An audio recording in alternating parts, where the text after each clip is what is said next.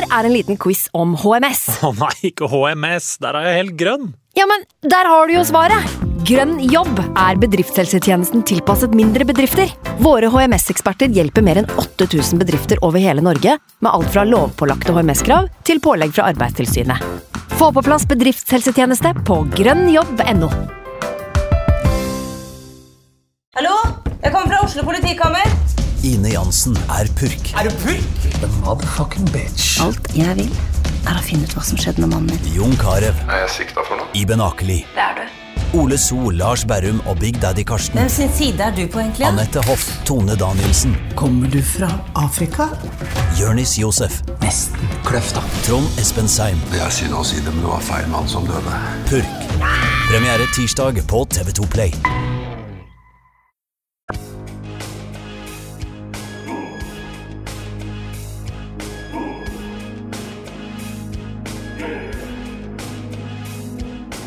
69. Den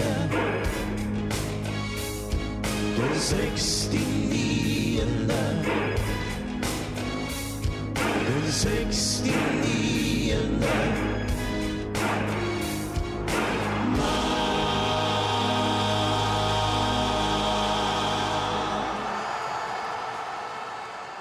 Hei og hjertelig velkommen til episode 54 av Den 69. mann, som rett og slett er en bonusepisode i lys av forrige ukes pressetreff, hvor Brede Hangeland presenterte flere forslag i forbindelse med Hangeland-utvalget.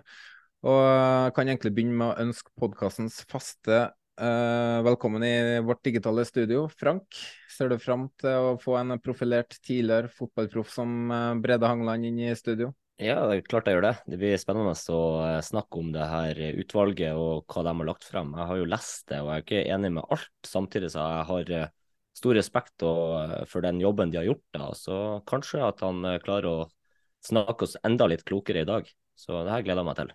Ja, Snorre, jeg tenkte at jeg gleder meg ekstremt mye til å snakke med Branns kaptein og hardhaus Sivert Heltene Nilsen, men uh, han trodde kanskje jeg skulle bli litt nervøs av å ha en sånn hardhaus inn i studio, men uh, han er jo egentlig bare en uh, liten pusekatt utenfor fotballbanen, har vi sett, så vi får se, da. Men uh, vi kan jo begynne med å introdusere Brede, da. For han er jo han er født i Houston i Texas, og det kunne ha blitt flere mesterskap så, på VM, eller mesterskap som f.eks. VM på midtstopperkjempen, men heldigvis for oss så valgte han landslagsspill for nesten-landslaget. Dagens gjest har flere suksessfulle år i Premier League bak seg, der det ble 238 kamper, i tillegg til 91 med flagget på brystet. Han har 607 offisielle fotballkamper, i tillegg til ja, de 91 med flagget på brystet. Uh, han er dansk seriemester to ganger. Han har blitt årets norske fotballspiller to ganger. Han er cupmester for Viking og vinner av Royal League. Uh, nå er han i trenerteamet til landslaget og leder av Hangeland-utvalget, som er satt i stand for å utvikle norsk fotball videre. Velkommen til oss, Brede Hangeland. Takk skal du ha, og takk for en veldig fin introduksjon. Det kjennes som lenge siden, alle de tingene du leste opp. Den introen var egentlig mye lenger, men jeg fikk eh, beskjed om at den må kortes ned. For det tar jo tre minutter å gå gjennom uh, karrieren din, så jeg måtte begynne å fjerne litt forskjellige ting her. Men det er jo en imponerende karriere, og vi skal se litt mer på den seinere uh, i en annen episode. Men uh, du kan jo få svar på um, ett spørsmål, i hvert fall. Og hva er det du er mest stolt over fra din karriere? Det tror jeg at jeg var stabil. Det er litt kjedelig svar, da. Men jeg var en stabil uh, spiller som leverte stort sett alltid, sjelden skada og var til å stole på. Og det er jo det du vil ha i et lag. Så, um, så tok jeg uh, steg for steg og kom ganske langt, og er veldig fornøyd totalt sett.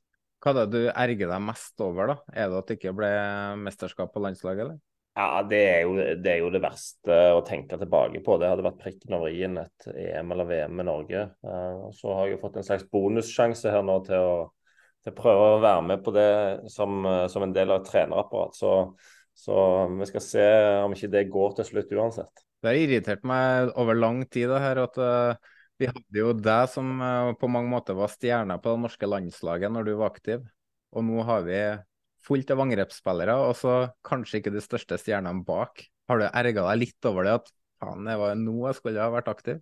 Ja, jeg har tenkt tanken, det har uh, Samtidig så må vi være glad for at det er veldig mange gode offensive spillere nå. Så kan det være at pendelen i norsk fotball gikk vel langt mot, uh, mot angrepsspill og tekniske ferdigheter en periode. At vi må finne en, en slags balanse mellom det destruktive og det konstruktive. Og når vi gjør det, så, så blir det et godt lag. Uh, men det, det, er et godt lag òg, så, så, jeg blir ikke overraska hvis dette laget kommer i et sluttspill ganske snart. Vi skal snakke mer om det som sagt, i en annen episode. Men uh, Bjørn Rudsagen spør på Twitter har du noen historier om Felix Magat som ikke har blitt fortalt ennå?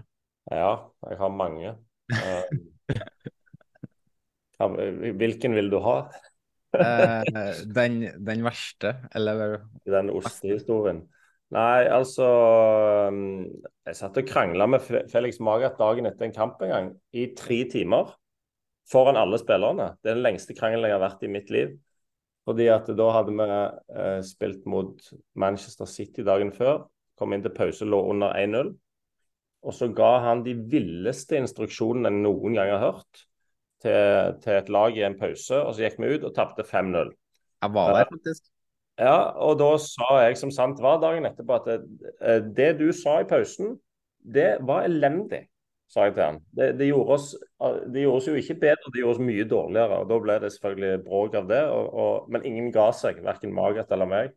Så da satt vi Og det var jo sånn at du, på den tida der at du fikk ikke du fikk ikke lunsj før møtet var ferdig. Så folk satt egentlig sultne der i tre timer etter restitusjonstrening og venta på at den krangelen skulle bli ferdig. Det var surrealistisk. Hvem, hvem var det som dro ut den krangelen? Var det, du, var det to sterke personligheter som ikke ville gi seg der, eller var det du satt og mottok?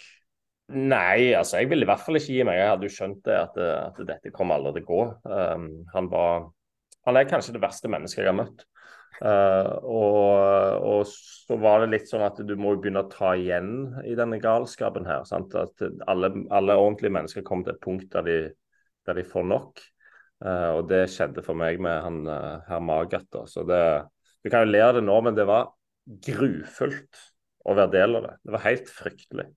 Så det er jeg ganske glad for er et tilbakelagt kapittel i livet. For det, det, Du refererer til kampen på Etihad i 2014 nå?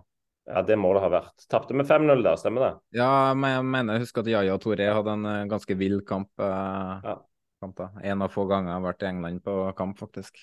Ja. Eh, Frank, vi er nødt til å ha en eh, Felix Magat spesial, uh, høres ut som her også, i framtida. vi kun historier fra Brede, det kan bli vilt, ja. ja. Du kan jo introdusere neste gjest. Ja, dagens andre gjest gjorde seg først bemerka som en sentral hardhaus i et Hødd-lag der faren hans, Lars Arne Nilsen, var trener. Eh, og de står kanskje for en av de største cupsensasjonene i moderne tid, der de ble cupvinner i 2012.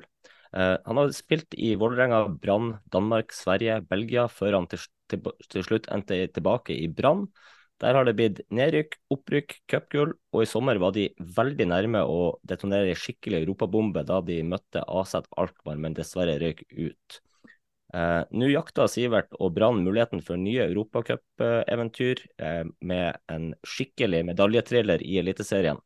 Velkommen til oss, eh, Sivert Heltne Nilsen. Tusen takk. Veldig kjekt å få komme. Ja, vi skal jo eh, også ha deg som gjest eh, litt uh, seinere, så vi skal ikke gå så mye inn på karrieren din heller før vi setter i gang episodens virkelige tema. Men jeg må spørre deg først, blir det med medalje på Brann i år? Det blir veldig spennende, da. Jeg føler, jeg føler vi egentlig spilte oss litt opp igjen etter, etter noen tunge salg på sommeren. Så syns jeg vi begynner å se ut som et lag igjen. og ja, jeg har vel, ikke eh, hatt mer trua på eh, medalje enn jeg har akkurat nå. Så det Jeg tror vi tar det, faktisk. Men eh, vi får se. Gode sjanser. Bodø hjemme, Molde hjemme. Ferdig med ja, og bortkamper som er mulig å ta. Så jeg tror det er gode sjanser. Det er Ingen tvil i hvert fall om at vi går eh, vi går inn veldig spennende høst i møte, vi som uh, har lag oppe i toppen av Eliteserien med fem vanvittig gode lag som vi blir å kjempe om de tre plassene der. Så Gni det inn, fortsett å gni det inn. Vi går videre, vi. Uh, for dere har planer om å se litt Champions League-fotball i, kveld, så vi får bare kjøre på. Vi kan jo gå rett på det som er temaet i dag, da, nemlig Hangeland-utvalget. Hangeland-utvalget består, er bestående av representanter fra NFF, NTF og klubbene. Du presenterte fredag din anbefaling, eller deres anbefaling, og du kan jo starte med å forklare hva Hangeland-utvalget er for noe, Breda? Ja, det var et utvalg, et såkalt arbeidsutvalg som ble nedsatt av styret i NFF og styret i NTF, altså norsk toppfotball. Um, der vårt mandat gikk på å se om uh, vi kunne optimalisere det som heter terminliste og konkurransestruktur. Altså seriecup, uh, når skal kampene spilles, hvor mange lag skal det være, opprykk, nedrykk osv.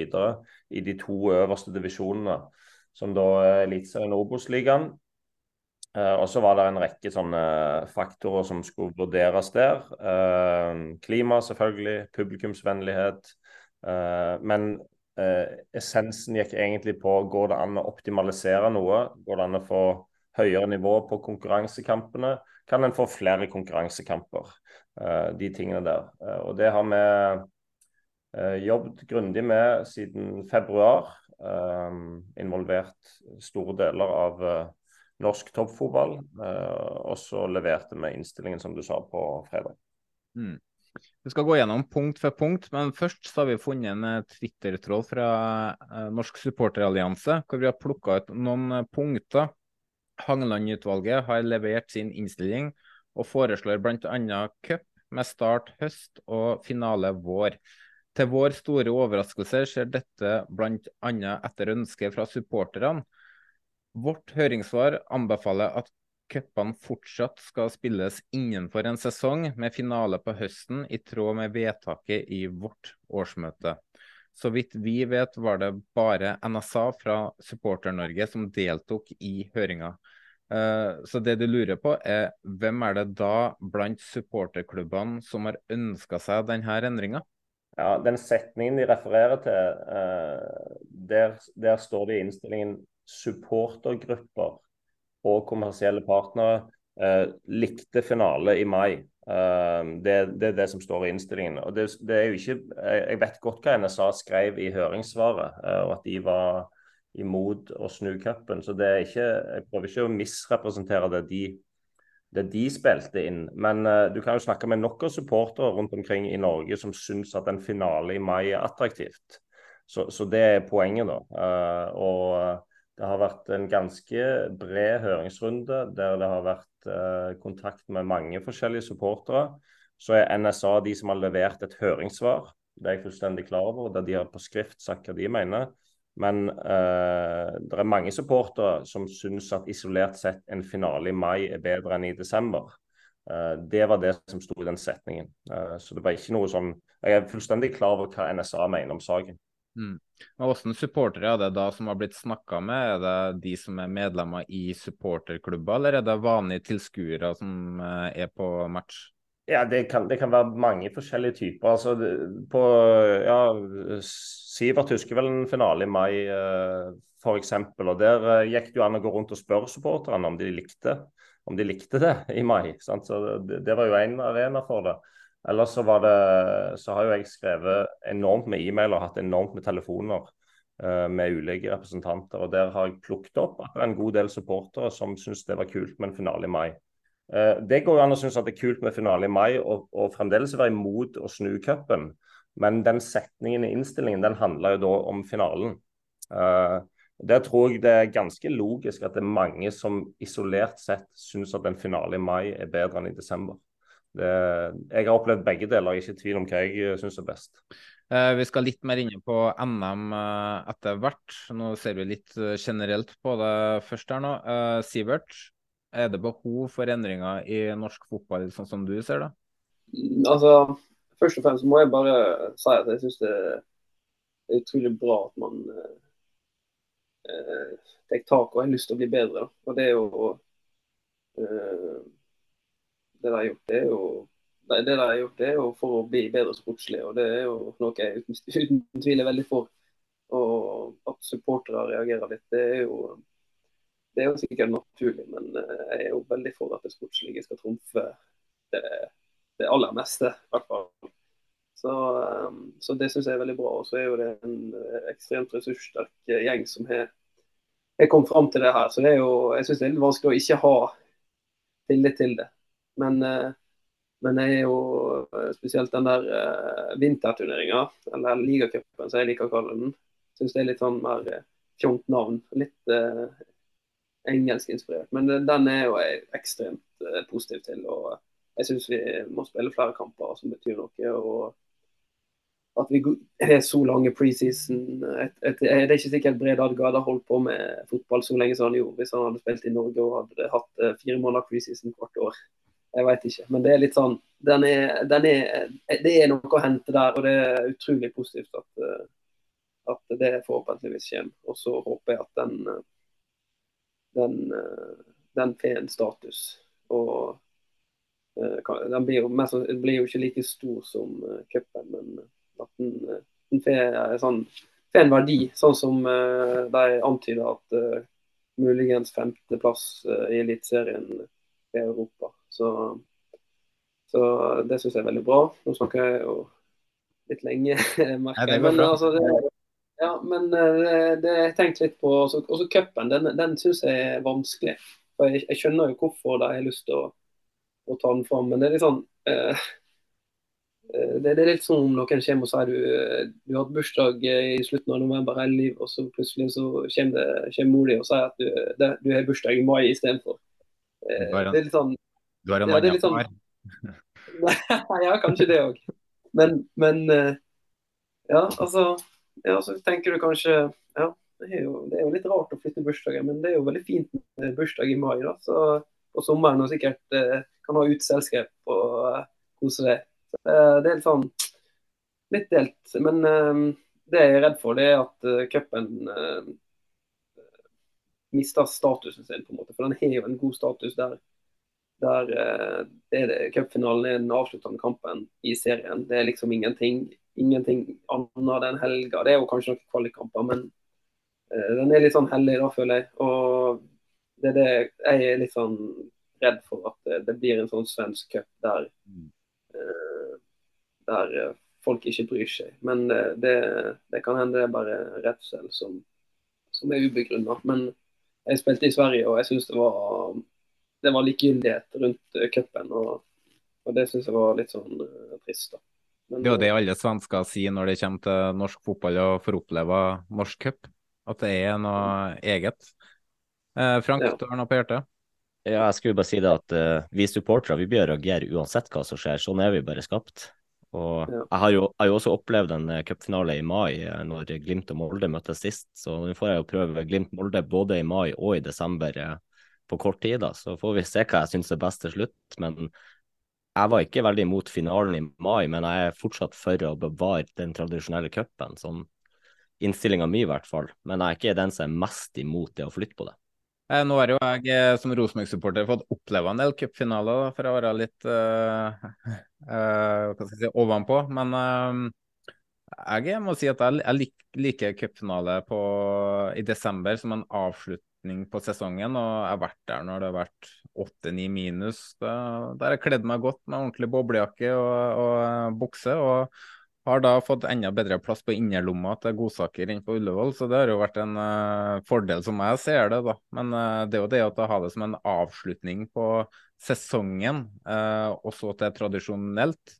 Og så er jeg redd for at statusen på den norske cupen skal gå ned på at man endrer. For det fungerer jo Eller finalen fungerer nå, så er det egentlig rundene før finalen som har vært veldig sviktende. da. Det er først i semifinalen at man kanskje begynner å mobilisere på tribunene. og uh, Vi har jo hatt en rettighetshaver i NRK som har uh, oversett cupen ganske grovt, spør du meg. For det har jo vært spilt cuprunder hvor folk ikke har vært klar over det temaet. Og klubbene har gjort en dårlig jobb på å, på å reklamere for uh, cupen. Så det er jo flere som har litt å gå i, som må gå i seg sjøl der. Men uh, Brede, er vi, er vi, nordmenn litt for redd for, uh, for forandringer?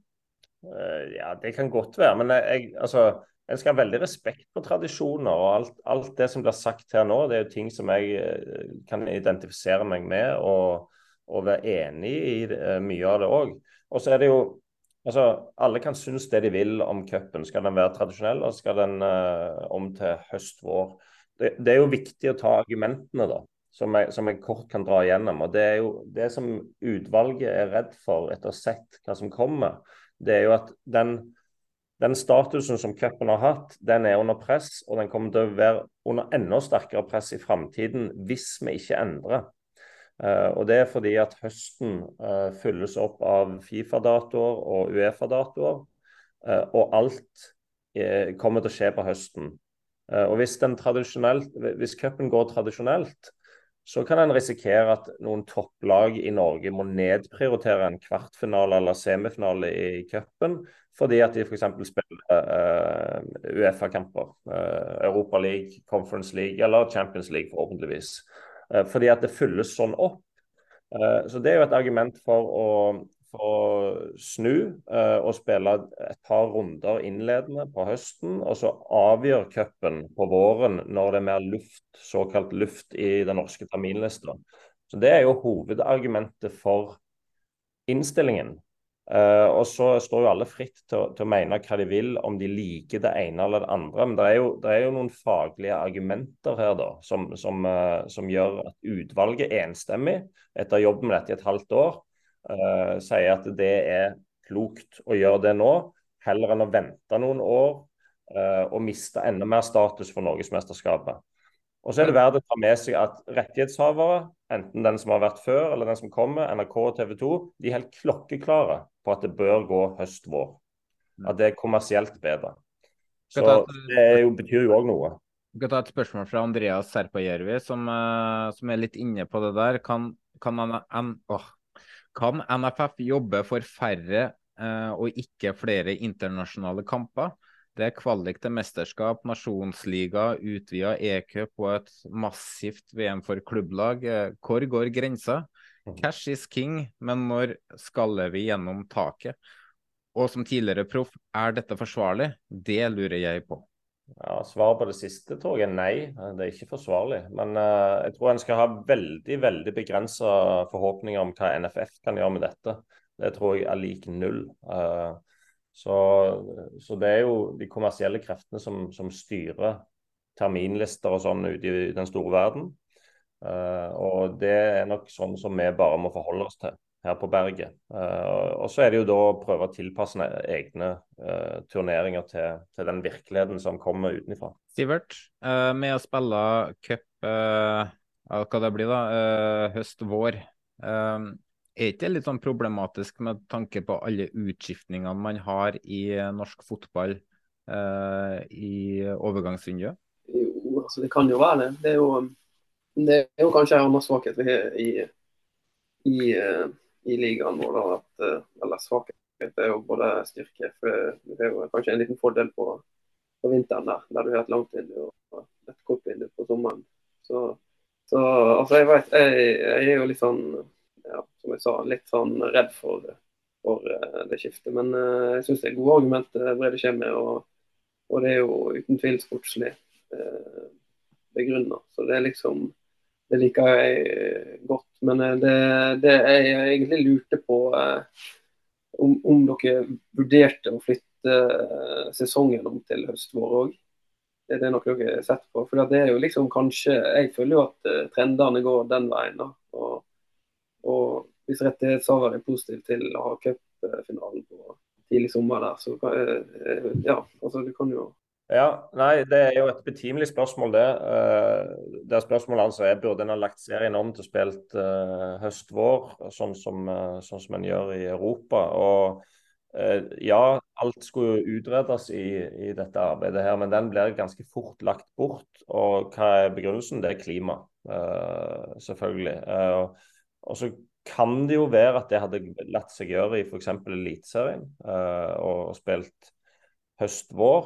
Men så må man huske på at resten av norsk fotball er lagt opp til en vår-høst-syklus. Uh, og hva skjer da med andre lagene? Hva skjer nedover i divisjonene? Alt dette blir en veldig veldig vanskelig problemstilling som, som gjorde at det, det, alternativet der med å spille serien høst-vår, det, det framstår umulig. Uh, I hvert fall gjorde det for utvalget per, per dags dato. Men jeg tror jo jeg tror at vi i norsk fotball er nødt for å gjøre alt vi kan for å gjøre den vinteren så kort som mulig. Uh, på alle fronter, inkludert anlegg. Uh, og det, Jeg er jo glad for at Sivert liker det, det forslaget om en vinterturnering, for det er jo litt i samme tankegangen. Sant? Vi er nødt for å gjøre den dvaleperioden så kort som mulig, hvis vi skal bli skikkelig gode her til lands. For vi konkurrerer med, med nasjoner som driver med toppfotball 11 og 12 måneder i året. Det, det, det, er jo, det er jo ordentlig negativt, akkurat det du sier der. Nå har ikke jeg spilt opp i Eliteserien, men jeg har jo vært gjennom samme preseason-syklus som eh, Sivert og du har i norsk fotball. og du, blir jo så mett og lei av å spille treningskamper at du, du har bare lyst til å bli ferdig, eh, på en måte. At du må nesten ha en ferie i preseason for å liksom hente inn motivasjon og, og lyst til å gå på igjen på neste to månedene. Er det ikke litt sånn, Sivert? Jo, altså, jeg synes jo det Jeg har prøvd noen år med, med en veldig kort uh, sommerferie, og jeg syns jo det er masse deiligere. Så det, jeg så det var en supporter som skrev at uh, han, han, han, han, spurte om han var bedre om han da, hadde om han spilte ti måneder, eller elleve måneder eller åtte måneder. Det var liksom, ja. Jeg tror at uh, jeg tror det er ekstremt viktig. Eh, så akkurat som Brille sier, at vi holder sesongen i gang så lenge som mulig. For du, ser, du ser eh, hvor mye mer fotball de spiller i andre land. og Det, det tror jeg er nøkkelen. Handler det om å spille kamper som betyr noe. Å spille treningskamper, det, det er selvfølgelig en effekt, men det, det er stor forskjell på konkurransekamper og treningskamper. Et spørs, eh, Brede var inne på det med andre lag, andre lag i seriesystem.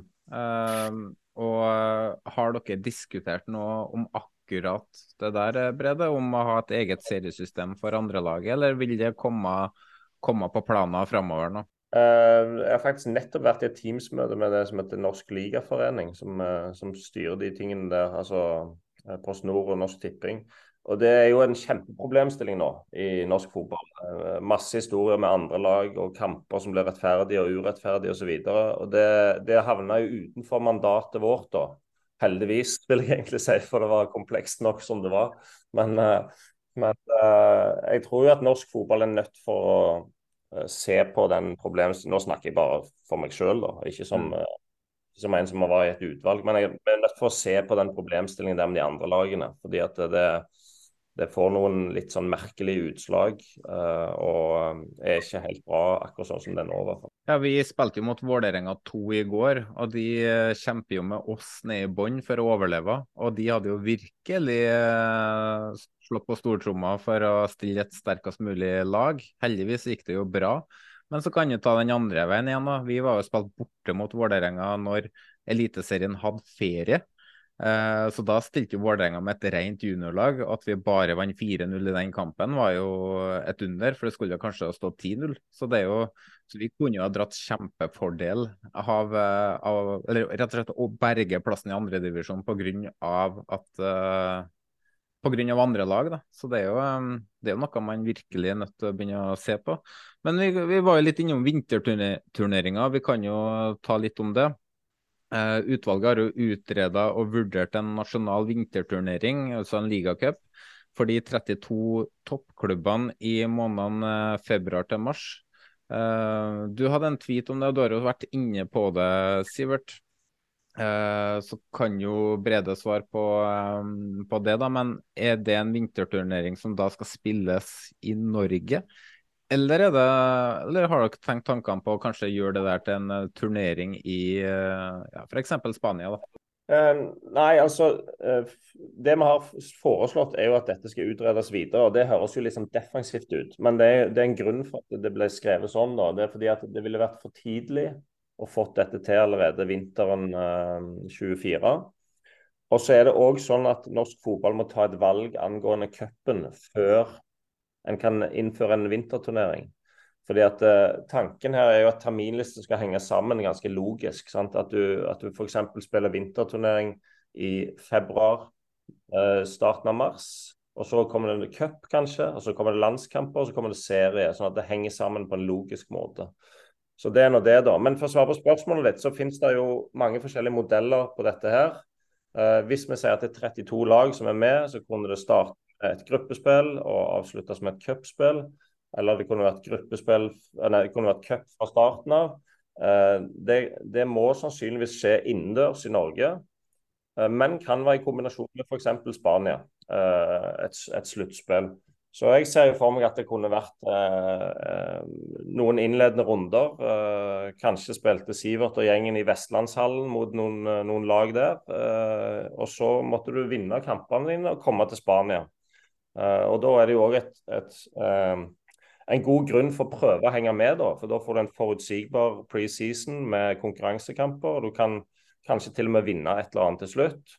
Eh, det kan være at det må være pengepremie, men det kan òg være i en veldig god verden at det kunne vært en eh, e-cupplass dersom Norge får en femteplass. Så dette er jo tankene, da. De er ikke ferdigtenkte av utvalget, men, men det er liksom rammene for det vi mener en, en bør se på. Uh, for, for, å vekke til live den perioden i kalenderen som er for dårlig nå. Hvis vi er helt ærlige med oss sjøl, så er den for dårlig, uh, den preseason-perioden. Hvordan blir det da, Sivert, eh, når, du, eh, når dere i Brann har planlagt en preseason? og Det er gjerne sånn at man kanskje drar, eh, drar sørover til varmere strøk kanskje to og til og med tre ganger i året hvis det er Bodø-Glimt for å få gode forhold. Um, hvordan gjør det med planlegginga og, og, det med å bygge opp til en ny eliteseriesesong? Nei, det, det vet jeg ikke helt. Men jeg, jeg tror jeg tror uansett hvis man skal få det til, så må man være uh, villig til å være fleksibel. At uh, i hvert fall man kan potensielt flytte kamper på ganske kort uh, varsel. Det tror jeg blir, blir ganske viktig for å få det til. Og Det, det syns jeg egentlig kanskje forbundet har litt å gå på. For jeg synes det uh, Utenfra så syns jeg ja, ofte det er litt sånn firkanta akkurat det med, med flytting av kamper og legge til rette. For vi bor jo der vi bor. Så det, uh, det er noe jeg reagerer på av og til. Og det kommer til å bli viktig hvis vi skal få til det her. Og så uh, tenkte jeg på at altså, det, altså Jeg vet ikke om det er om jeg har et poeng, men det er litt sånn eh, at når ligacupen kommer så tett opp mot en cupfinale, altså en ligacupfinale og en cupfinale, det kommer ganske tett, tett, opp på hverandre. Det er også noe jeg liksom kan tenke kan være litt sånn forvirrende for, for folk. da. Uh, men uh, kan det, kan det, gjøre at uh, den vanlige cupen mister status? At det blir litt Ja, det var jo det, ja, det, var jo det jeg kanskje ikke fikk sagt helt i stad. At det, det, kunne være ei greie der. Og så um, var det en ting til jeg tenkte på.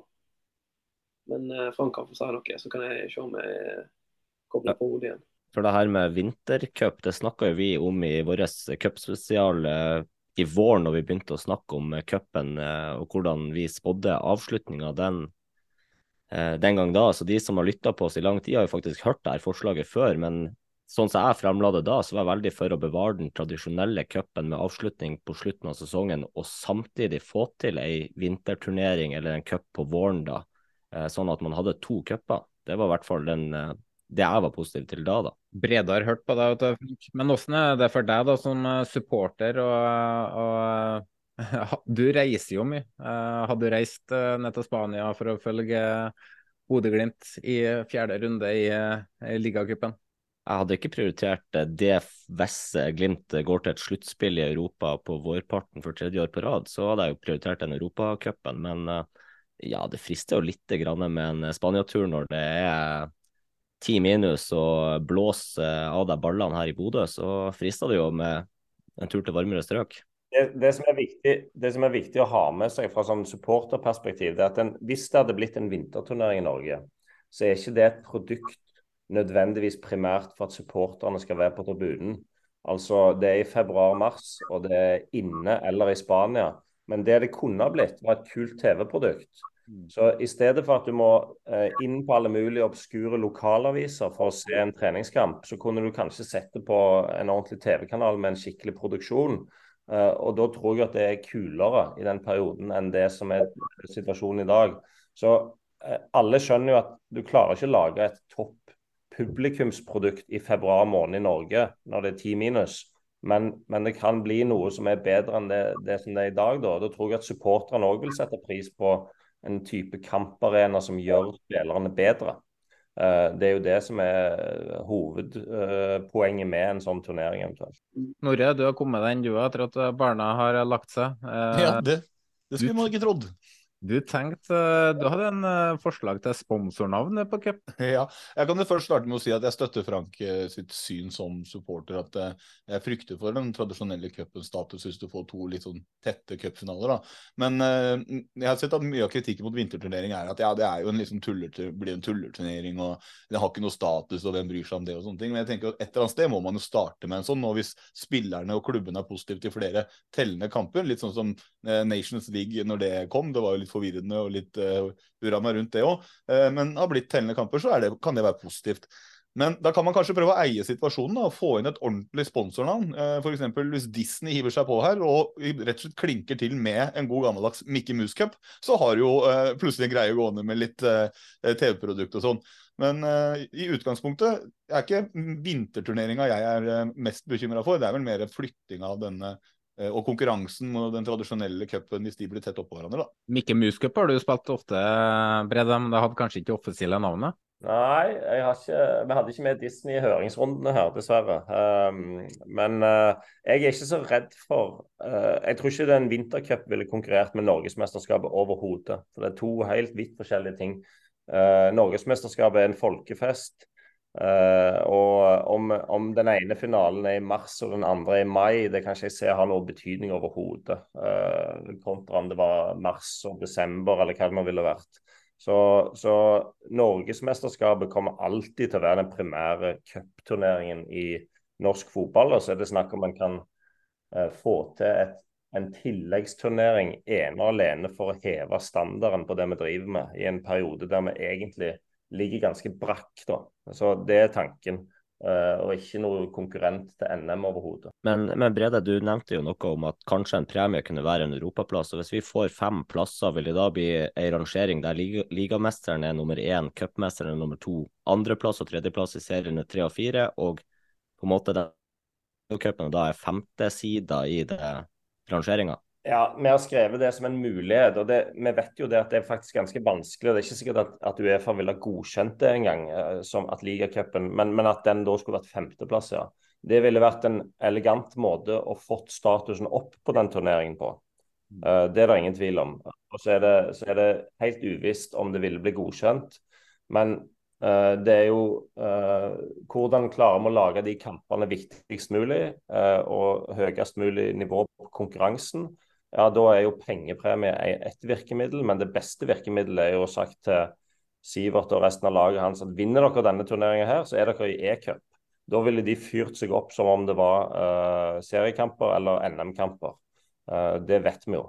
Så, så det, det, er derfor det er tenkt sånn, men det er langt fram dit. Og det er ikke utvalget vårt som bestemmer uh, verken at vi skal få en femteplass eller at den skal gå til en uh, ligacupvinner. Men som supporter da, så må jeg i hvert fall si at jeg støtter i hvert fall den tanken. Da Da vil jo den cupen få en veldig mye større verdighet med en gang.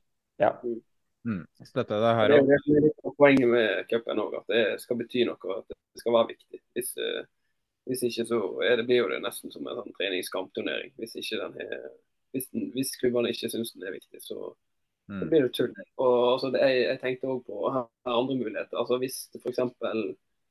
Eh, et av de lagene som, som er topp tre, vinner cupen, så kunne jo kanskje til og med fjerde Altså at det er en mulighet senere ut i sesongen at det, eh, den fjerdeplassen òg kan bli Altså du kan ende opp med eh, den, den plassen òg, hvis du skjønner. Hva jeg tenker. Eller om du skal få en fordel å komme inn i tredje runde i cupen, eller eh, heimekamp i fjerde runde hvis du kommer dit, eller et eller annet. Altså det, jeg, tror det, jeg, tror det, er veldig viktig at uh, både spilleren og ja, alle uh, som er involvert sportslig, uh, syns altså, ser en, en klar premie Ja, jeg bare tenkte jeg kunne gå litt tilbake til det Frank ble spurt om, om han ville prioritert en, å dra på en vinterturnering. Jeg tenker at Frank vurderer jo litt i øyeblikksbildet, men hvis en vinterturnering hadde fått litt status, så skal du ikke se bort ifra at større grupperinger kanskje kunne finne på å dratt og tatt ut noe ferie i litt varmere strøk. Så det er jo ikke sånn at det er en helt umulig tanke, det. Men om det erstatter liksom det samme trøkket på tribunen, det er kanskje tvilsomt. men Eh, det er jo muligheter der hvis selve vinterturneringa får en status. Det er det jo. Eh, det er noen som sikkert vil la seg friste til, eh, til en Spania-tur. Et forslag jeg savner spesielt fra deg, Brede, for du har jo vært med og vunnet Royal League. Og konseptet Royal League, det er jo for meg i hvert fall, da, det høres jo genialt ut. Og så ble jo utførelsen i Norge eh, eller i Skandinavia fryktelig dårlig med På Lerkendal spilte vel på sand, og det var jo eh, det var jo lagt opp til publikumsturnering i minusgrader. Eh, men dere, har dere egentlig tenkt tanken på å få i gang noe lignende igjen? For det kunne jo ha blitt spilt eh, i Spania, det og f.eks. ha gjort det til en kommersiell greie? Ja, um, det er fordi at jeg har vunnet Royal League som en av veldig få, så jeg tenkte at den skal bare få ligge. Uh, sånn at det blir umulig. Nei. Uh, vi har, vi har diskutert det, det, som var litt problematisk der, er at mandatet vårt handler om norsk fotball. Mm. Så vi kan ikke bestemme en Royal League. Vi kan heller ikke bestemme at utenlandske lag skal være med i en, en, en norsk vinterturnering. Uh, men jeg tenker jo at det, i den utredningen som må komme, så går det an å se på sånne ting. Uh, det som er litt kinkig, er at så fort det er utenlandske lag med i en norsk turnering, så kan du jo f.eks. ikke se at vinneren skal inn i noe e-cup. For da har du liksom mista integriteten til, til, turneringen sånn sett. Uh, så Det er en utfordring. Og så er det òg litt utfordring med, med uh, syklusen i nabolandene våre, da, spesielt Danmark, som, uh, som starter ganske tidlig. Og jeg har vondt for å se hvordan vi skulle klare å få med oss danskene, sånn som de spiller sin serie nå. men kanskje en sånn Kanskje en svensk-finsk-norsk variant hadde vært mulig. Jeg vet ikke. Klaksvik kunne vært med. Ja, ja, ja. Eh, vi må gå videre, og vi går over til å ta et par lytterspørsmål. og Vi begynner fra Lillestrøm-humor. Blir jula på samme tidspunkt i år, eller har utvalget tenkt å flytte jula til april? Tradisjon og hva andre mener spiller jo ikke noen rolle lenger. Eh, det var kanskje ikke noe spørsmål i det der, Brede, så vi kan ta neste fra Bjørn Inge Furuli. Hvordan kom man fram til at supporterne ville ha cupfinale på våren, når NSA har vedtatt det motsatte?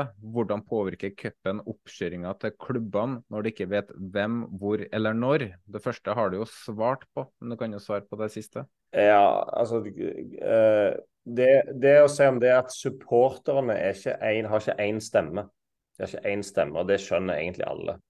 Jeg har veldig respekt for NSA, hatt god kontakt med de i uh, høringsrundene. Eh, men de må ikke eh, misforstå og tro at når det står at noen supportere liker en finale i mai, så henviser ikke det nødvendigvis til NSA. Det gjør det jo da ikke. Eh, jeg tror vi kan være enige om alle sammen at det finnes mange supportere som liker en cupfinale i mai, og det finnes mange supportere som ikke vil ha cupfinale i mai. Det, det, skjønner nok de fleste. Det er fra Sjur Stølen. Etter å ha lest innstillinga, jeg tror det er verdt å grave litt i metoden. Det er, det er mye black box argumentasjon i innstillinga. Den nevner f.eks. kort at de har hatt møter og en høringsrunde, men ikke noe om hvordan data er samla inn og behandla på. Du har jo på en måte svart litt på det òg, men kanskje ikke på det med data? Nei, men Det vil jeg gjerne svare på. for det, Der insinueres det liksom at det er liksom venstrehåndsarbeid, dette her. Og det kan jeg bare svare konsekvent nei på. Det, var, det ble laget et høringsnotat i dette arbeidet på 250 sider, som gikk til alle de 32 toppklubbene, og der de svarte detaljert med sine innspill i en Questback, som det heter. Uh, som var ganske, ganske, omfattende, rett og slett. Så er det sånn at Innstillingen er ganske kort. Det er fordi den innstillingen der den er et punkt på agendaen i et styremøte i NFF, og den kan ikke være på 100 sider. Den må være kort og konsis, sånn at de styremedlemmene som sitter der og skal ta stilling til masse forskjellige ting, de har mulighet for å lese det. Det betyr jo da at de stoler på at det arbeidet som er gjort, er grundig. Uh, og det syns jeg egentlig alle andre burde gjøre òg, da. Uh, I hvert fall når det, når det er skrevet høringsnotat på, på 250 sider her. Kristian Ersvik, Hva er bakgrunnen for at fordelen med hjemmebane eh, for lag fra lavere divisjoner vurderes fjernet? Ja, Det er et bra spørsmål. Det, det, akkurat det der er en vanskelig greie. Sant? For nå er det jo sånn at uh, det lavest rangerte laget det får hjemmebane. Og det kan du si På en måte kan du si det er ganske fint. Uh, samtidig, altså Du kan bruke fair play-argumentet begge veier der. Uh, hvis dere skjønner hva jeg mener. Det, du kan si det er fair play at det, at det i hermetegn dårligste laget spiller hjemme, men det er òg fair play at det er trekning. Mm. For da er det likt for begge. Uh, og så er, Som alt annet i en sånn innstilling, så er det jo del av en sånn såkalt kjedelig totalvurdering. Uh, og Der er det viktig å si at uh, Norge er det eneste landet i Europa der topplagene spiller cup fra runde én. Ingen andre land som gjør det. og Den har det vært ganske viktig for i hvert fall flertallet i utvalget å beskytte at eh, Rosenborg og Brann og Viking og Molde og Bodø-Glimt skal spille runde én i cupen. Det er viktig for de folkefestene der. Og da må man kanskje gi noe i andre enden som kan være trekning, da. Uh, Istedenfor at de, lavest rangerte lagene skal alltid få hjemmekamp. Så det er sånn uh, vekting hele veien, for og mot. Uh, men det er, det er gjennomtenkte ting, tror jeg. Håper jeg. Sivert, er jo det der som er cupen, ikke det? Reise rundt første og andre runde og spille mot tredje- og fjerdedivisjonslag med, med uten tribuner, men kanskje folk som står langs eh, linja rundt banen, er ikke det? Jo, jo, det er jo fantastisk. Jeg husker jo selv jeg spilte i Volda mot Ålesund, så det er jo det er jo minne for livet og en sjanse til å spille en kamp og slå en eliteseriemotstander som kanskje ikke får igjen. Men det, jeg ser jo når det, er, er så tett med internasjonale datoer, så er jo det er naturlig at de er på toppen. Mm. Tenker og å prøve å rydde plass. Sant? Og norske lag gjør det bra i Europa nå òg. Så det er liksom Ja. Det, det, er mye press fra mange kanter. Men mm. det, det, er sånn det er. Det er et spørsmål fra Kristian Hamnes Johnsen. Angående NM liker cupen som den er, men synes den per i dag er for lite komprimert altså for lang tid mellom kampene. Semifinalen er, lenger, er lenge etter kvartfinalen, og skulle man legge om, burde alle runder bli spilt mellom april og slutten av juni. Finalen spilles før et lite opphold i serien, så klubber kan feire og ikke ha kamp typ tre dager etter finalen. Det var ja. kanskje det som er da, det er at uh, den nasjonale cupvinneren må kåres før utgangen av mai. Uh, for det at den skal inn i europeiske turneringer som du må liksom melde inn i starten av juni. Så en, det å ha en cupfinale i slutten av juni, selv om det høres attraktivt ut, så vil det bli vanskelig. For da vil den cupvinneren gå inn i en e-cup tolv måneder etterpå. Uh, så det er en del sånne ting som legger føringer for hvordan du kan gjøre, kan gjøre disse tingene da. Men jeg er jo enig i første delen av spørsmålet der, at det er for lang avstand mellom cuprundene. Uh, sånn som det er nå. Det har, ikke, uh, det har, ikke, blitt brukt som et argument, men, men du glemmer litt cupen mellom rundene. Det vil du ikke gjøre i en uh, høst-vår-variant. I hvert fall ikke på våren. Der vil det gå to eller tre uker mellom hver runde uh, fram til finalen. Hva tenker du, Snorre? Er vi litt for redd for forandringer, eller er vi eller er det et forslag som, eh, som vi supportere kan lære, oss å omfavne? Jeg tror det er individuelt. Jeg, jeg, jeg vil ikke beregne, omtale meg selv som veldig redd for forandringer, egentlig. Men eh, jeg liker jo også at det er lov å si at det er greit at noen ting er som de er òg. Fordi for mange så fungerer det veldig bra. Eh, for mange så er eh, det at cupfinalen er litt surt og kaldt, og at det er siste kampen i en sesong eh, noe som betyr noe ekstra.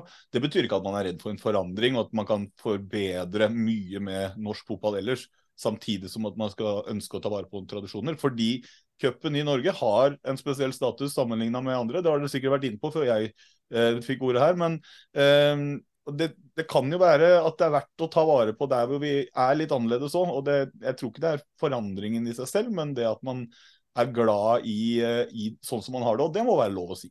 Jeg har et eh, økonomisk eh, syn på det som supporter, og det var det at når vi kom til cupfinalen 2021 i mai 2022, så hadde vi ni dager fra semifinalen til cupfinalen, og det kosta 10 000 for meg med fly og opphold i Oslo. Nå har jeg bestilt cupfinale hotell for litt over 3000. Jeg tror ikke det vil eh, tror, Det var jo helt spesielt at det var så kort tid. fra den ene til den andre. Altså, jeg, jeg, tror vi er, ikke, ikke, ikke fiender her, boys. Altså, Vi respekterer hverandres syn og respekterer tradisjonen òg. Og, og, jeg tenker at eh, ja, den norske cupen er en institusjon. Det har vært bra. Men den er altså under press. Det er viktig å ha med hvorfor utvalget foreslår dette. her. Den er under press. Det er runde én og to og finalen som det er litt schwung over. Resten taper i konkurranse med, med Eliteserien, i konkurranse med europeiske kamper og landskamper. Både på stadion og i TV-stolen. Så, så, det er liksom faktum. Uh, og så tror jeg, etter å ha jobbet tett med dette her i mange måneder, at hvis vi ikke gjør noe, så vil den norske cupen tape i større og større grad. Helt til det tvinger seg fram en forandring. Og Da er det klokere å gjøre den forandringen når vi ser uh, spillet, enn å bli liksom reaktive uh, om noen år. Jeg bare tenker, eh, En ting er hvis man gjør en forandring, men hvor vanskelig tenker du at, eh, Brede, at det ville vært eventuelt reversere hvis du ser at nei, vet du, her bommer vi? Hvis man skulle lekt litt med den tanken. altså Når man først gjør en sånn omveltning, så er det jo ikke bare å knipse i fingrene og kanskje si at nei, etter to sesonger sier at nei, det her funka dårlig, vi, eh, vi, bare vi går tilbake til det som var, eller liksom Hva tenker ja. du rundt det? Du kjører ligacupen som en cup, og så er du ved cupen. Det kan du gjøre, sånn som du gjorde i fjor. Eller i år, faktisk, når vi vant. Ja. Bare la ligacupen være i cupen. Hvis du vil revansere det. Ja, det, det, går an, det. Altså, jeg skal si det at det, det å gjøre uh, forandringer, uh, å snu cupen eller eventuelt snu den tilbake, som du sier nå, det er ultrakomplisert. Fordi at uh, det fører med seg noen sånn praktiske problemer. Hvordan skal du snu disse tingene? Så, så det bør vi prøve å unngå. å snu fram og tilbake for mye. Ja, så man bør jo være man bør liksom være ganske sikker da, når man først kommer med en sånn innstilling som, som dere gjør. Da, at dere føler at det er, uh, at det er uh, noe som er verdt å prøve. At det er ikke noe man har lyst til å bare si sånn ja, vi gir en sjanse, liksom. Nei, men, men uh, jobben vår var jo å utrede dette og så levere den innstillingen etter beste evne. og det vil jo være, mm. Vi er jo nødt for å innstille det vi mener er riktig etter jobb med det. Og så tror jeg at hvis den cupen blir snudd om til høst-vår. Så går det et par år, og så er det ingen som tenker på dette mer i det hele tatt. Da er det etablert uh, og fungerer veldig fint. Uh, vi må begynne å runde av. Uh, vi avslutter vi er med tre kjappe til både Brede og Sivert. vi er en eliteseriepod oftest, Brede. så da må jeg spørre, hvem vinner Eliteserien? Jeg må, jeg må, jeg må jo være Stavanger-patriot og si Viking. Selv om uh, hjertet sier Viking, hodet sier noen andre enn Viking. Hvem rykker ned? Det skal ikke jeg drive og tippe. Men uh, det ser vel stygt ut for de som ligger der nå, vil jeg tro. Ja. Ja, Les mellom linjene, vi. hvem rykker opp fra Obos? hvordan ser det ut i toppen der nå? Det har, det har jeg ikke Fredrikstad er jo ganske ja, Fredrikstad, Der kan jeg si, går det sånn politisk ukorrekt å si at jeg syns Fredrikstad er et lag som skal være eliteserien. Så det hadde vært kjekt hvis de rykker opp. Mm. Sivert, kommer landslaget til EM? Nei. Hvem vinner Eliteserien? Viking. Hvem rykker ned? Ålesund og Sandefjord. Hmm. Ja. Uh, jeg... Du spør hvem fra Obos? Hmm? Nei, det, ja, du kan godt svare på det hvis du vil det. Ja, ja nei, det, nei, det er Fredrikstad og Forsvar. Ja. Jeg, Snorre og Frank skal fortsette samtalen, og vi sier dermed adjø til dagens gjester. Brede Hangeland, takk for at du stilte opp hos oss, og lykke til med siste del av EM-kvalifiseringa. Takk for det. Det var hyggelig å være gjest. Vi tar det igjen senere. Eh, Sivert, eh, takk for at du ble med, og lykke til med resten av sesongen for deg òg, med Brann. Takk for det. Og så eh, ja, ha det bra. Jeg trenger ikke gå inn på det. Uh, men jo, hei. hei. Velkommen. All right. All right. All right. All right. Ja, gutta. Det var Brede og Sivert, det. Uh, hva tenker du, Frank? Fikk du, fikk du litt, ble du litt klokere? Ja, jeg ble jo sånn sett det, ja. Uh, så er jo ikke jeg den Jeg tror ikke jeg er den supporteren i Norge som er mest imot det å flytte cupen, men jeg er jo fortsatt for den tradisjonelle måten å gjøre det på. Og så, som vi snakka om det her, vi snakka jo om det for et halvt år siden, det her med å faktisk ha ei turnering på vårparten, og jeg syns faktisk det er en veldig spennende idé, så der er jeg veldig positiv, da. Du også, Snorre? Ja, jeg er nok kanskje mer konservativ enn Frank når det kommer til eh, å beholde cupen som den er. Jeg ville nok, jeg ville nok eh, sett på andre muligheter enn å flytte det til en, eh, en høst-vårcup eh, først, hvis det er at sånn at cupen er under press. Jeg tenker at det handler også mye om å faktisk prioritere cupen og lage rom til cupen, og at det er andre ting man kan gjøre for å styrke cupen og bygge videre på det som allerede fungerer bra. Jeg dog også enig med Frankieboy 88 her om å faktisk ha en vinterturnering, at det høres spennende ut. fordi Én ting er å se treningskamper fordi man gleder seg til Eliteserien kommer i gang. og Det er gøy å få en treningskamp eller to, men når du er på liksom treningskamp nummer ni og ti og sånn, så kjenner du at eh, nå kan godt alvoret komme i gang. og Da kan jeg bare se for meg hvordan spillerne og klubbene og trenerne generelt eh, kjenner på litt det samme og får komme og gjøre noe som er litt mer eh, konkurransepreg over seg. da. Så det er jeg positiv til. og det, altså det skader jo ikke å prøve. Det var sånn Royal League. Det skada ikke å prøve. Utførelsen var litt sånn så som så ymse, og det havarerte. Eh, men vi sitter jo ikke her og har brent oss av den grunn fordi vi prøvde det. Så det går an å prøve en ligacup-variant, en uh, Mickey Mouse-cup nede på Algarvekysten f.eks. Det går jo an.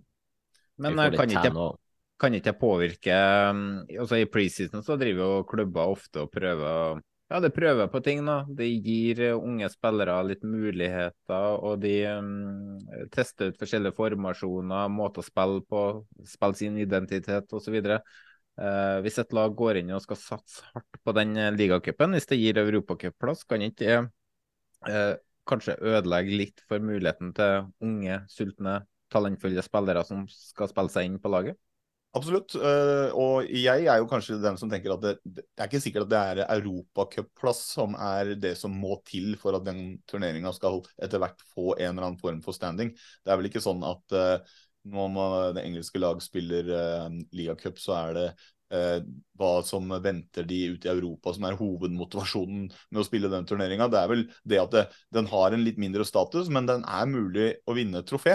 det er mulig å få noe ut av det. Og så er det vel ikke snakk om å erstatte Eh, alle treningskamper med eh, en ligacup-variant heller. Så det er liksom flere faktorer der, da. Skyte inn der, da, for i, i England så har jo FA-cupen alltid vært gigantisk. Det er jo i England og i Norge at cupene har hatt vanvittig stor eh, status. Og hvis man går tilbake til 80-tallet, tror jeg det var, så var det jo gjevere å vinne FA-cupen enn det faktisk var å vinne det som da het førstedivisjon.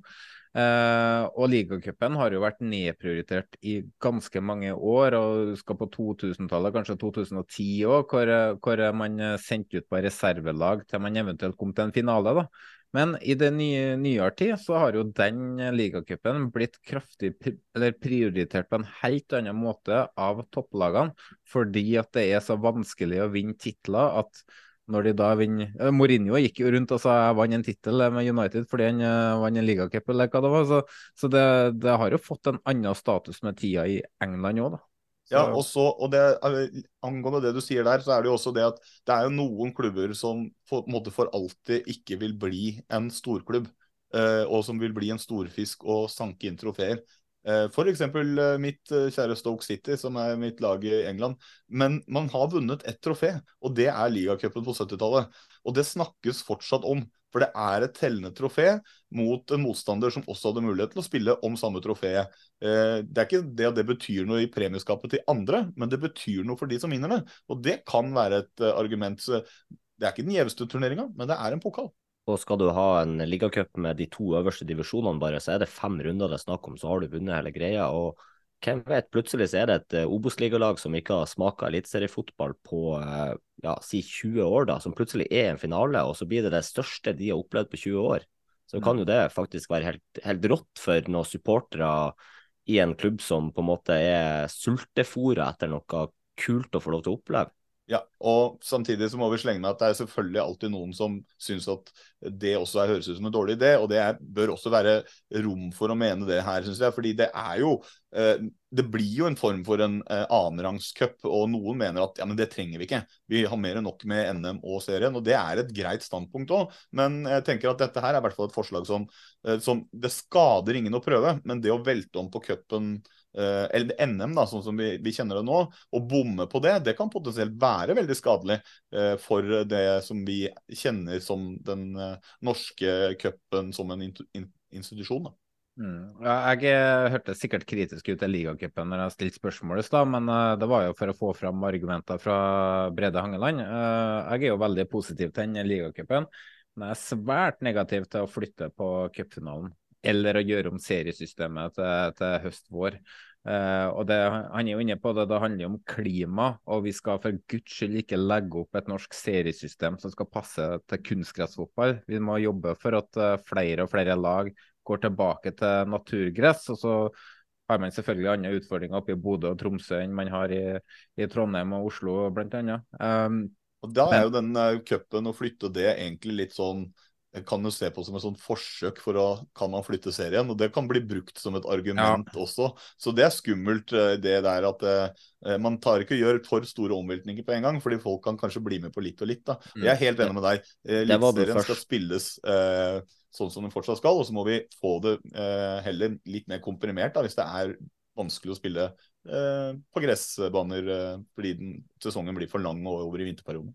Det var det, jeg, det var det, første jeg òg var redd for når jeg leste innstillinga her uh, før helga. Hva var, hva hvis det her egentlig bare er første steg for å flytte serien nå? Men jeg tror på han Hangeland når de faktisk uh, sier det han sier i dag, at det er uaktuelt å flytte serien pga. klima. Så der Eh, ja, jeg er litt tryggere på at det ikke er tanken nå, da. Nei, altså Jeg har jo tro på Brede Hangeland eh, der, eh, fordi at eh, jeg tolker i hvert fall eh, folk i forbundet nå for at de skal eh, få Med tida da, så tror jeg flere toppserielag blir å ha naturgressbane, og Ståle Solbakken har vært en ganske sterk stemme der, som jeg tror påvirker i riktig retning. Og så har vi jo det tullet med, med cup på høst og vår, er jo at man kan ende opp med Lars Jørgen Salvesen-tilfeller som spiller cupen på tre forskjellige lag. Og det, det, blir for dumt, da. Da må man i hvert fall sette inn restriksjoner der på at du kun kan spille cup for ett lag. Eh, da får man problemer igjen når det blir eh, ordentlig gjennomtrekk i stallene, som det ofte blir i eh, januarvinduet, eller januar til mars. Så, men, men, igjen, da blir du tvunget til å bruke de ungguttene du har i tropp? Ja, det er kjempebra, det òg. Men det vil jo også igjen dra ned statusen på cupen, at du ikke kan mønstre ditt beste lag. Så det er heller ikke noen sånn god løsning, det der. Og det er jo noe med det problemet man påtar seg da, med å flytte cupen til å være utenfor eller mellom to seriesesonger. For da blir det jo rett og slett to typer sesonger. Det blir en cupsesong som strekker seg fra høst til vår, og så får du to uh, seriespillsesonger som er i hvert sitt år og hver sin ende av den cupen, egentlig. Og det Altså, det er jo ikke Da får du jo de problemene. Fordi det er et lengre opphold mellom, mellom eh, vintervindu og oppkjøring der. For du skal bygge det opp til en ny, lang eliteseriesesong eller førstedivisjonssesong. Så det, da får du det problemet, da. fordi det er ikke ulovlig å bytte klubb. Og, det, det, det, er ikke noen god løsning egentlig uansett hvordan du vrir og vender på det, med, sånn, med tanke på spillere som spiller for to og tre klubber. da. Og så er det utrolig gjevt å avslutte sesongen med en cupfinale på Ullevål. At det er det siste som skjer i norsk fotball før du får en lang ferie. Eh, det har i hvert fall jeg satt stor pris på, og jeg har aldri vært plaga med at det har vært kaldt på Ullevål. Det har vært kaldt, men jeg har jo kledd meg Ikke vært plaga med det. det er bare å få i seg nok frostvæske, så går det bra. Ja. Men vi skal gå videre, for eh, jeg har eh, lyst til å presentere en eh, ny spalte. Dere andre i panelet vet jo ikke om den spalten, selv om vi har snakka litt om det tidligere. For en stund tilbake så fikk jeg en lang melding fra en lytter, og jeg kan, jeg kan ikke lese alt, men jeg kan lese litt utdrag fra den her, og det var fra Bjarte Østebø.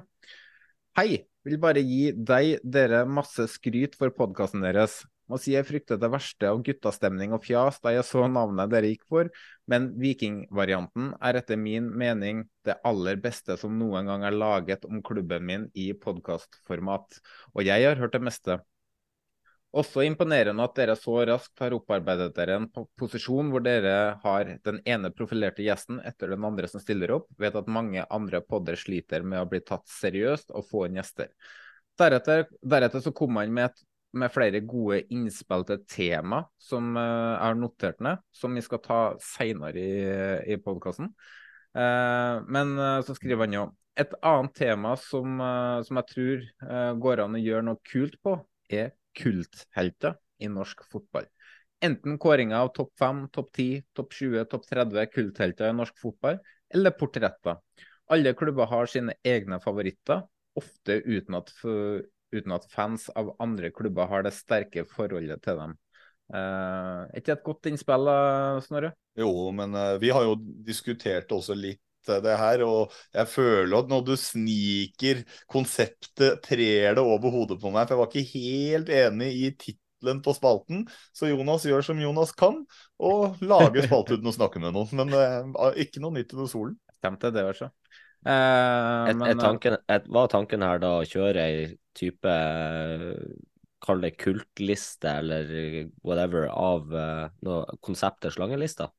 Ja, for vi har jo slangespalten uh, som vi egentlig har vært altfor dårlige til å ta. Uh, den går vi, slenge, vi, vi, slenger inn Sivert Heltene Nilsen her. og Brede Hangeland for det der forslaget på å flytte cupen. Har, har, du noe du har lyst til å si til det, Brede? Ikke det? Nei vel. Nei da, men eh, slange, slangelista, eller slangespalten, har jo gått litt i, i glemmeboka, så der må vi skjerpe oss, for vi vet at mange lyttere liker den. Men eh, en slangespalte er jo negativt ladda, og siden jeg er en uh, veldig positiv person, og i motsetning til dere to, så jeg ha inn en spalte som er som er litt positivt ladda, da. Uh, og vi har jo som sagt snakka om det tidligere, uh, og det har gått i glemmeboka. Også, men tidligere i dag så ble jeg spurt om vi kunne ta en retrospalte. Og da kom jeg på den meldinga fra Bjarte igjen. Og da tenkte jeg egentlig samme konsept som slangespalten. Vi dropper et navn. Så skal vi si over eller under de som allerede er på lista. Og jeg tenker da uh, I utgangspunktet så tenker jeg på kultfigur. Og Snorre tenker på legender. Og vi, snakker, vi har snakka sammen tidligere, og vi var, hadde veldig ulik oppfatning av um, hva en eh, kultfigur er. For i min bok, da, så er Nei, vi hadde ikke det, Jonas. Vi hadde ikke ulik oppfatning av det. Vi hadde ulik, uh, vi hadde ulik måte å kunne bruke ordet legende på. Men jeg har allerede skjønt, og nå har du bare tredd dette over hodet på. Nei da, nei da. Nå er du forut, forutinntatt, som vanlig. Ja. For, uh, for sånn, litt, jeg, jeg, jeg, er litt bakpå. Ja, du er litt bakpå. Som vanlig. Uh, men det finnes en podkast for de forutinntatte også allerede, så Ja, det er sant. ja, du skulle vært med der, du. Ja. Uh, nei, men i, i, min bok, da, så er en legende en spiller som har vært i en klubb lenge. Han har kanskje vunnet flere titler, eller han har x antall kamper og, eller mål da, for klubben, eller utretta noe stort. Mens jeg ser på en kultfigur som en uh, spiller som sportslig sett kunne faktisk ha vært dårlig, men han har kompensert med personlighet. Nå sier ikke jeg at Diogo Thomas er dårlig, men han har en personlighet som gjør at han blir en uh, kulthelt med tida, kanskje allerede nå. Uh, så generelt sett så ser altså, jeg på hvis, hvis, du tar kulthelter i Eliteserien i dag, så er jo han den første jeg tenker på. Ja. Altså Sette seg naken i et jævla tjern på sommeren og meditere i 15 minutter og bor i ei campingvogn fordi at han vil bare komme seg bort fra resten av livet. Ja, det, var derfor jo... skrev, det var derfor jeg skrev ned hans navn, for det er det første jeg kom på. Så det er du er inne på noe der. Eh, Tobias Gran for eksempel, kan være en kultfigur. Langt ifra en legende i Vålerenga, men, eh, men historiene i ettertid gjør han til en kultfigur. Bojan Sajic var en god, god spiller, eh, for all del, men eh, ingen legendemateriale i min bok, men en kulthelt. Så har du Frode Skippe og Arild Sundgodt f.eks., som etter min mening er to legender, mens Emil Baron kanskje er mer en kultfigur som jobba i bar og sånne ting. Det er min mening, da. Men siden jeg og Snorre er uenige, og han tar feil som vanlig, så tenkte jeg kanskje at vi kan jo gjøre den spalten her til ikon, eller noe sånt. da. Uh, og jeg er ikke helt sikker på hvordan vi skal løse det, hvordan navn spalten skal ha, eller noe sånt. Men vi kan jo spørre lytterne om hjelp. Om lytterne kan hjelpe oss med et navn og definisjon på hvordan lista skal være. Uh, kanskje til og med lære Snorre litt om hva en kultfigur er. Men nei da. Uh, Men det har jeg jo allerede gjort. Og om og om igjen så har jeg fått din versjon av hva en kultfigur er, og hva en legende er. Så er det noe jeg har lært, så er det at uh, du og jeg er eh, ja, det, det er bare litt uenige òg, men du liksom gir deg Men- lillefingeren, så tar Men- du hele men- hånda, og så, så har jeg alene utvanna hele legendebegrepet. Det er det, det er det den samtalen endte med. Så, så, men jeg er helt enig, la lytterne få lov til å komme opp med en definisjon, da. Men Ja, for- det, for- det finnes én spiller som er kultfigur og legende, og Ja. det er jo Morten, Morten Berre. Fy, har altså det verste er at du har ikke sett notatene mine, for det her er på min egen Mac. Men jeg sa at vi kan jo begynne med å droppe et eh, navn, da. Som er begge delene, og da har jeg skrevet ned Morten Berre. så den, den er faktisk eh, fin, Frank. For da har vi i hvert fall en start, og så kan lytterne hjelpe oss med å definere hva, hvordan lista skal være. da. Så, så gjør vi det sammen med lytterne. Og så kan vi sette inn noen regler. Um, en regel kan jo f.eks. være at spilleren ikke kan være eh, aktiv, sånn at vi får eh, litt retropreg på det hele. Og så kan vi ha en regel på at eh, man ikke har stemmerett når det er sin egen klubbs spiller. da. Jeg har jo trua på at du klarer å se nøytralt på ting, Snorre. Der er du ganske god. Det er du òg god på, Frank. Det er jeg òg. Men Arskan er jo en idiot. Klarte å snike inn litt Arskan-banter òg, ja. Ja, men Arskan, det endte jo opp med Morten Berre på førsteplass til evig tid, og det er jo sikkert noen som kan uh, ikoner som kan komme over der. Og så prøvde jeg å eh, søke opp hva, hva er ikon og definisjon, men jeg kom inn på noe sånn gresk mytologi-greier, og da ikke mer. Det, det, det ble for mye bokstaver for meg. Altså. Jonas, Jonas bruker Google. ja, ja, men Hva eh, er et ikon? Ja, men, men så jeg tok det igjen da fra mitt altså Det sies hele tida for et ikon han er, men det er jo litt samme det der og kulthelt og legende, at det blir jo brukt feil veldig ofte, da. Eh, Det Det kan jo bli forvirrende, det der òg. Sånn, plutselig så er det noen som begynner å dra inn at eh, Aron Dønnum var et moteikon. eh. Vi skal, ikke, vi skal ikke bare slenge alle inn på slangelista i stedet. ja, ikke sant. Nei da. Men vi må gi det her en sjanse, da. Ja, for vi så jo når Carlo Holse dro fra Rosenborg, så var det flere som omtalte han som Rosenborg-legende, og da blir jeg litt sur inni meg. Altså. For han, Carlo Holse, fantastisk Rosenborg-spiller, fantastisk fin fyr, men han har ikke vunnet en dritt med Rosenborg. Hvordan kan han være legende? Hvor lenge var han her? da? To og et halvt år? Tre år? Så man, vi må jo Han, han, han er vel kanskje bare det som er definisjonen av deres beste spiller i en tung tid. Ja. Beste spilleren som kanskje aldri har vunnet noe med Rosenborg, f.eks. Uh, men, uh, Men vi har jo kødda litt med at Frank har et litt utvanna eh, legendebegrep vi også. Sånn at eh, eh, Vi var vel og leika litt med tanken om at det er ikke lenge før eh, Frank kommer og sier at Julian Feilund Lund er en ekte Glimt-legende. Og så var vi var innom eh, Det var mange legender, altså. Det Ja. var mange legender. Det er spillere som snudde i svingdøra Altså- på, på, på Bodø lufthavn. Julian, vet du. Faye Lund har egen supportersang, selvfølgelig er han legende. Nei. Men vi må, men vi, vi, må, vi må åpenbart ha hjelp da, til Ja. å finne definisjonsområdet her, fordi vi blir åpenbart ikke enige.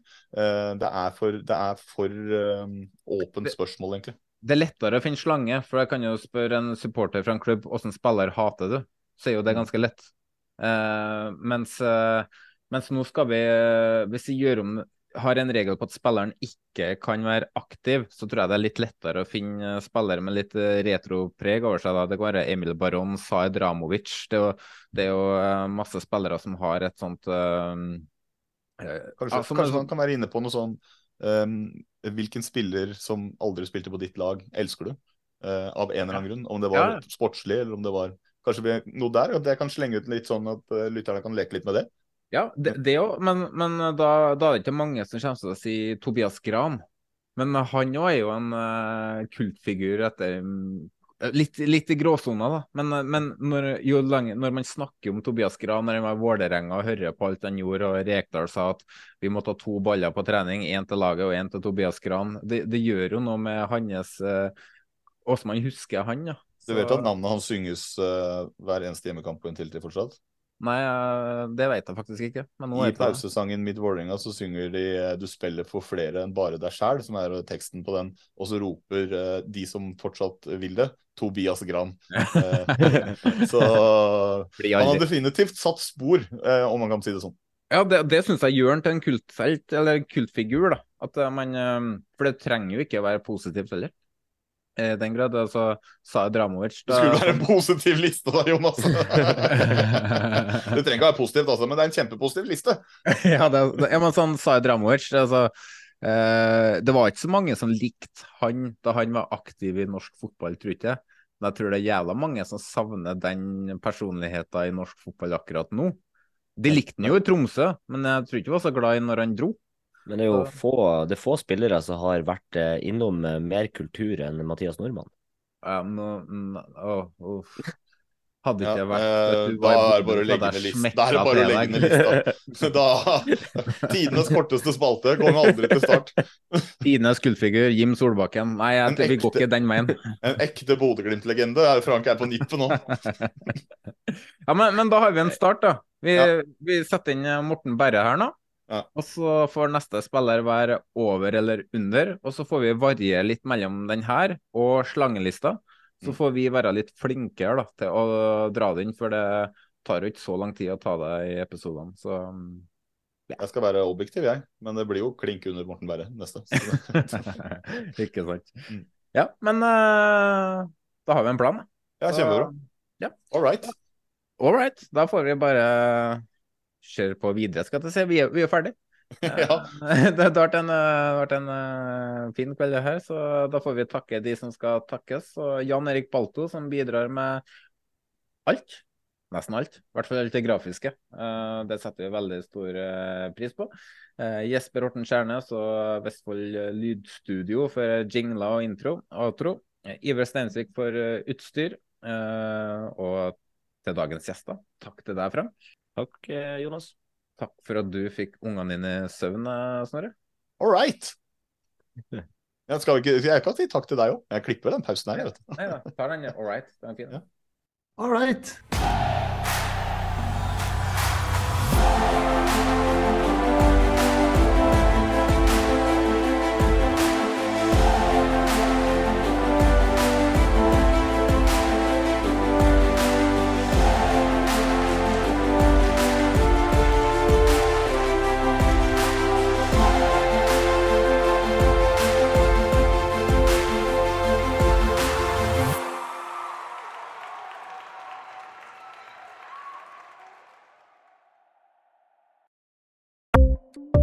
Ukens annonsør er HelloFresh. HelloFresh er verdens ledende matkasseleverandør og kan være redningen i en travel hverdag. Mange av oss har nok vandret i butikken både sultne og uten en plan for middagen, som ender med at vi går for de samme kjedelige rettene gang på gang.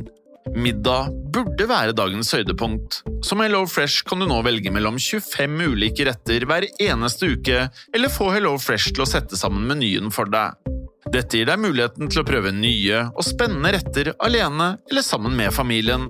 Du velger antall porsjoner og får alt levert på døren på et tidspunkt som passer for deg. Oppskriftene er enkle, og maten er lett å lage både for store og for små. Ved å få alt levert hjem får du også mer tid til å dele matgleden med familie og venner. Kanskje det frister med asiatiske tacos eller greskinspirert kylling? Da kan jeg anbefale deg om å gå inn på hellofresh.no. Her kan du bruke koden FOTBALL og få opptil 1779 kroner i rabatt på de første fem matkastene hvis du ikke har prøvd HelloFresh tidligere. Du kan også bruke rabatten hvis du har vært kunde og stoppet abonnementet ditt for tolv måneder siden eller lengre. Gå inn på hellofresh.no og bruk koden FOTBALL. Ukens annonsør er Folio, en smartere banktjeneste for deg som har en egen bedrift eller ønsker å starte for deg selv.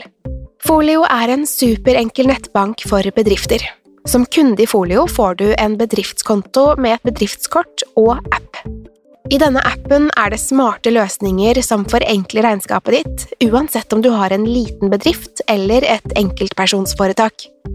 Folio er både intuitivt og brukervennlig, og er laget med et enkelt språk. I tillegg tilbyr de forutsigbare priser og ingen skjulte gebyrer. Skulle du likevel trenge det, så kan du snakke med deres raske og hyggelige kundeservice, og der får du prate med en faktisk person og ikke en chatbot. Folio er med andre ord både enklere og koseligere enn banken. Over 10 000 bedrifter har allerede valgt Folio som sin banktjeneste, så besøk folio.no og se hvordan Folio kan forenkle din hverdag også. Har du et enkeltpersonforetak eller en liten bedrift? Da er du sikkert lei av å høre meg snakke om hvor enkelt det er med kvitteringer og bilag i fiken, så vi eh, gir oss her, vi. Fordi vi liker enkelt. Fiken superenkelt regnskap.